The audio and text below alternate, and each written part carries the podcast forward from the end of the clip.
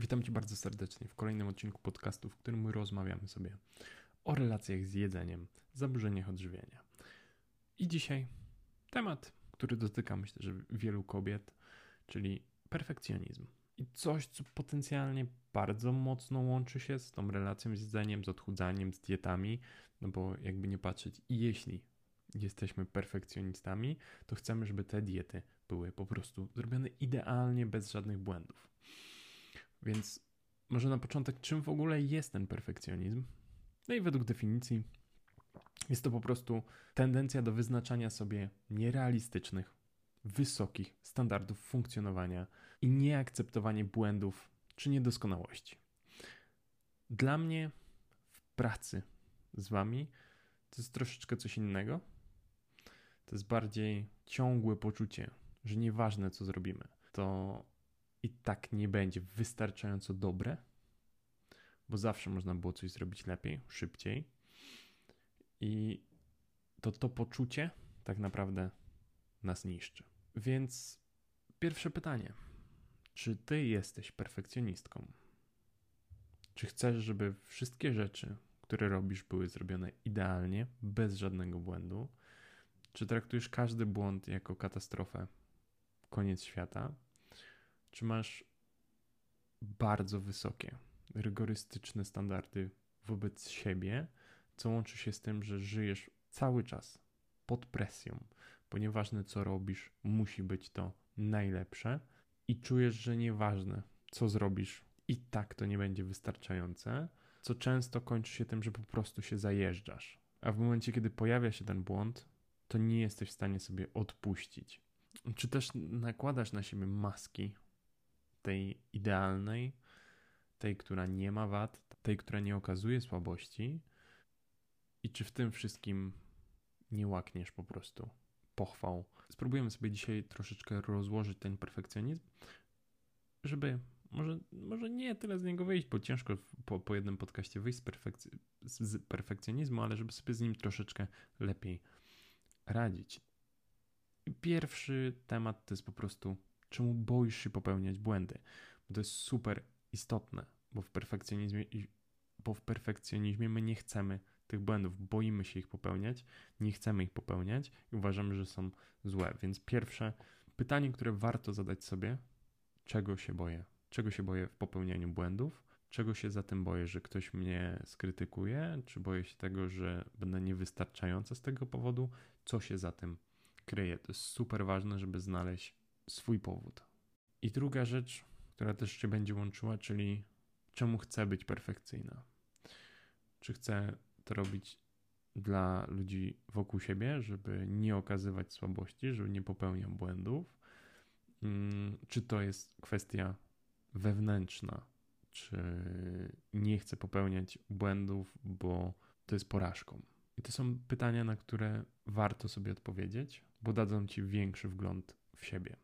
Jak już wspominałem, ten perfekcjonizm bardzo często, żeby nie powiedzieć, że zawsze, łączy się z ciągłym poczuciem byciem niewystarczająco dobrą, nieposiadającą wystarczającej dużo, dużej wiedzy, czy niewykonywaniem pracy wystarczająco dobrze. I za tym skrywa się kilka rzeczy. No po pierwsze, to, że my sami nie czujemy się wystarczający, to, że boimy się oceny innych, boimy się, że jeśli popełnimy błąd, to ktoś nas oceni, oceni negatywnie, powie, że nie jesteśmy dobrzy, mm, że oszukujemy i tak naprawdę perfekcjonizm jest przykrywką. Przykrywką przed tym, że my czujemy się niewystarczający. Kryjemy się za tym, żeby nie pokazywać swoich słabości, nie pokazywać swoich błędów, tylko po to, żeby nikt nas nie zdemaskował. I jednocześnie tym wszystkim ma swój udział wewnętrzny krytyk, o którym już troszeczkę rozmawialiśmy wcześniej, więc zachęcam do, do przesłuchania poprzednich podcastów, czy, czy to wywiadów, czy bezpośrednio już tych solo odcinków, bo u osób z perfekcjonizmem ten wewnętrzny krytyk jest bardzo, bardzo silny, bo krytykuje każdy błąd, momencie, kiedy nawet my chcielibyśmy, czy potrzebujemy odpocząć, to bardzo często wtedy też się uruchamia, że nie powinniśmy odpoczywać, bo przecież nic takiego nie zrobiliśmy i powinniśmy jeszcze pracować, jeszcze ciężej. Generalnie to wszystko nie ma sensu. I krytykowanie się za pracę czy za błędy i to, że nie dajemy sobie odpocząć, bo powinniśmy pracować więcej, i to, że nie zrobiliśmy wystarczająco dużo, to wszystko nie ma sensu. Już ci tłumaczę dlaczego. Po pierwsze, bardzo często perfekcjoniści nie zaczynają czegoś nowego, no bo nie będzie idealnie. I tak, nie będzie idealnie, no bo jak zaczynamy robienie czegoś nowego, czy to będzie biznes, czy to będzie nowa aktywność fizyczna, czy nowa pasja, na przykład malowanie, to nie będzie idealnie, bo my się tego uczymy. I to, co najważniejsze jest w nauce, to co szkoła nam trochę zniszczyła, to popełnianie błędów. My uczymy się popełniając błędy. I im więcej tych błędów popełnimy, tym szybciej się nauczymy. I jasne, nie chodzi tutaj o popełnianie takich głupich błędów, czy specjalnie, ale im więcej błędów popełnimy, tym szybciej będziemy w danej czynności dobrzy, bo to nam daje perspektywę do poprawy. I nie to, że my chcemy robić coś idealnie i chcemy robić to bezbłędnie, tylko to, że my to robimy na tyle, na ile potrafimy i patrzymy, jak to wychodzi, jak są pewnie, pewne niedociągnięcia, to wyciągamy z nich wnioski i następnym razem staramy się je zrobić lepiej, inaczej. I to chyba jest najważniejszą rzeczą, że błędy nie są złe, bo tak naprawdę ty albo wygrywasz, albo się uczysz i nie ma nic innego. Każdy błąd to jest rzecz, z której możemy wyciągnąć wnioski, a nie coś, coś, co jest negatywne, coś, co, za co powinniśmy się biczować, tylko jest to jedna z najfajniejszych rzeczy, jaka może nam się przytrafić. I nawet Winston Churchill mówił, że każdy błąd chronił go przed kolejnym, większym. Więc to, jak interpretujesz te błędy, ma ogromny wpływ na Twój dialog wewnętrzny i na to, jak traktujesz chociażby nowe rzeczy, czy wchodzenie w nowe rzeczy. Bo załamywanie się po błędzie będzie generowało to, że będziesz szybko rezygnowała. W momencie, kiedy traktujesz je jako miejsce do poprawy, to bardzo szybko możesz zacząć się rozwijać. I z automatu też wtedy akceptujesz, że rzeczy nie muszą być idealnie, bo my chcemy, żeby te błędy się pojawiły, bo my chcemy, bo wiemy, że z nich się nauczymy. I to nie jest nic złego. To jest w najprostszym wydaniu nauczenie się nowej aktywności fizycznej, na przykład sztuk walki, gdzie zupełnie normalnym jest to, że na początku po prostu dostajesz w ciry, bo nie znasz technik, nie wiesz jak się bronić, nie wiesz jak atakować i pełno ciosów przechodzi po prostu bezpośrednio w ciebie. I z każdym następnym treningiem rozwijasz się, popełniając błędy. Tak samo jest w życiu, w budowaniu biznesu, tak samo jest w każdej innej rzeczy, którą, której chcesz się nauczyć. Szkoła nam to troszeczkę utrudniła, bo traktowała każdy błąd jako coś kategory kategorycznie złego. I musimy się tego oduczyć. Bo jeśli się to nie stanie, to zwyczajnie utkniemy w miejscu, w miejscu, w którym nie będziemy się rozwijać, no bo jeśli nie chcemy popełniać błędów, nie wypuszczamy rzeczy, które są nieidealnie, nieidealne, to nie jesteśmy w stanie weryfikować tego, czy to faktycznie ma rację bytu. Tak? Czyli chociażby w biznesie jest takie coś jak MVP, czyli produkt wypuszczony o minimalnym nakładzie, który nadaje się do pierwszych klientów i jest to jedna z lepszych strategii rozwijania biznesu, dlatego że my weryfikujemy swoje poglądy, które wymyśliliśmy w domu przy biurku z realnymi klientami. I ten produkt nie jest idealny, on nie ma być idealny. On ma wyjść do świata, mamy dostać informację zwrotną od klientów po to, żeby dowiedzieć się, co poprawić, jakie są ich odczucia z tym produktem, a nie nasze widzimy się. Dlatego musimy to wszystko weryfikować ze światem i brać to jako informację zwrotną, a nie jako coś złego. I nakładanie na siebie też tych wymagań, które są niemożliwe do wykonania, generuje dwa problemy. Po pierwsze, nie dostrzegamy swoich sukcesów na co dzień, co wiąże się z tym, że nie rozwijamy naszej pewności siebie, a nawet ją osłabiamy, bo jak ciągle skupiamy się na tym, co nam nie wyszło, albo że ciągle jest coś niewystarczająco dobre, no to nie dostrzegamy w ogóle sukcesów, no bo w naszej głowie ich nie ma. A po drugie, bardzo często nie odpoczywamy lub nie potrafimy odpocząć. Więc pytanie, jak z tym walczyć? I poruszymy troszeczkę różnych idei. Pierwszym z nich to Twój pomysł, to nie Ty. To, że pomysł, na jaki wpadłaś, nie działa, to nie oznacza, że Ty jesteś słaba, zła, czy cokolwiek innego, co ci podsuwa wewnętrzny krytyk. To Twój pomysł po prostu nie jest dobry, lub rzeczy, które myślałeś, że zadziałają, nie działają. To nie ma nic wspólnego z Tobą. I taka perspektywa daje nam masę przewagi, bo możemy bardzo szybko weryfikować z rzeczywistością swoje pomysły, które nie uderzają w nas, więc nas nie bolą. I możemy odpalać następne rzeczy, jeśli ten pierwszy się nie powiódł. Druga rzecz to odpuszczanie, od, odpuszczanie przede wszystkim sobie. Sobie tego, że odpoczynek też jest konieczny i ty nie musisz zasłużyć na odpoczynek. Odpoczynek jest czymś zupełnie normalnym. Jeśli nie odpoczywamy, to jesteśmy mniej wydajni. Nie jest możliwe to, żeby pracować ciągle po 12-16 godzin. My musimy odpoczywać, musimy się ładować i chociażby nasza kreatywność bardzo mocno spada przy obciążeniu.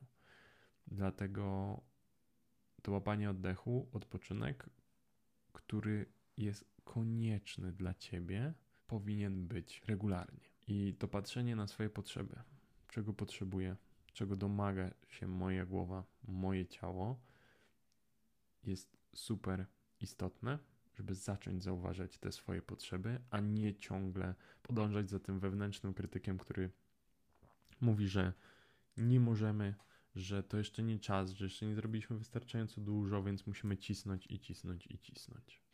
Bo i tak prawdopodobnie raz na jakiś czas odłącza ci system. Czyli nie jesteś w stanie nic zrobić. Jesteś już tak wyczerpana, że po prostu leżysz i nawet nie jesteś w stanie oglądać serialu.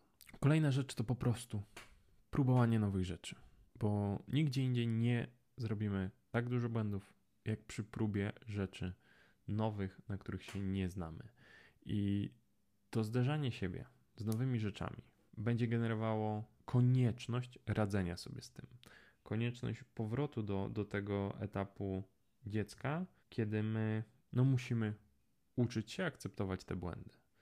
Tak? No, nie było tak, że jako Bobas, jak nie udało ci się wstać trzy razy, to uznałeś, że chodzenie nie jest dla ciebie i raczkujesz do teraz.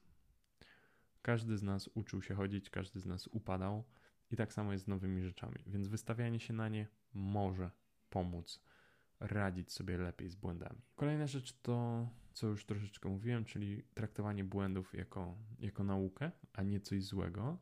I tutaj możemy sobie wyobrazić po prostu, że jesteśmy samolotem. Strasznie dziwnie to brzmi, ale prawdopodobnie gdzieś na, na przestrzeni lat widziałeś taki program jak Katastrofy przez Stworzach. I to, co jest istotne w nim, to to, że nieważne jaka tragedia się tam wydarzyła, procedury były te same. Sprawdzamy, co się wydarzyło, znajdujemy problem i wdrażamy rozwiązanie, żeby nigdy więcej się nie powtórzył.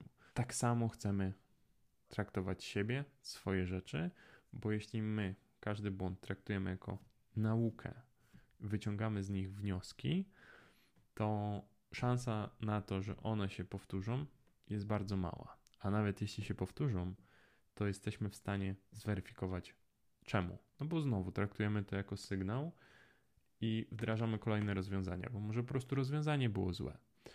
Więc to jest konieczne, żeby traktować siebie jak samolot i wdrażać kolejne nowe rozwiązania, bo tak się właśnie rozwijamy. I też koniecznością będzie zwiększanie pewności siebie, zwiększania pewności, że robisz dobrą robotę i doceniania, doceniania swoich sukcesów. I tutaj najprostszą rzeczą, jaką można robić, to po prostu wypisywanie swoich sukcesów może być 3, może być 5, zależy jaki poziom trudności chcesz sobie nałożyć. Wypisujesz te sukcesy na koniec dnia. I co najważniejsze, dzień do dnia nie porównujemy, bo jednego dnia dostajesz awans, a drugiego dnia wstawiasz pranie.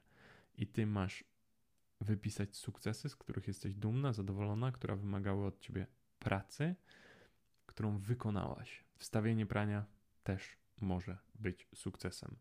To są rzeczy, które są nieocenione, to są rzeczy, które są oceniane tylko przez ciebie, bo tak samo jak z sukcesem, każdy ma inną definicję. Dla jednego to będzie kupa hajsu, dla kogoś innego to będzie życie pod drzewem, a dla kogoś innego zwiedzenie całego świata.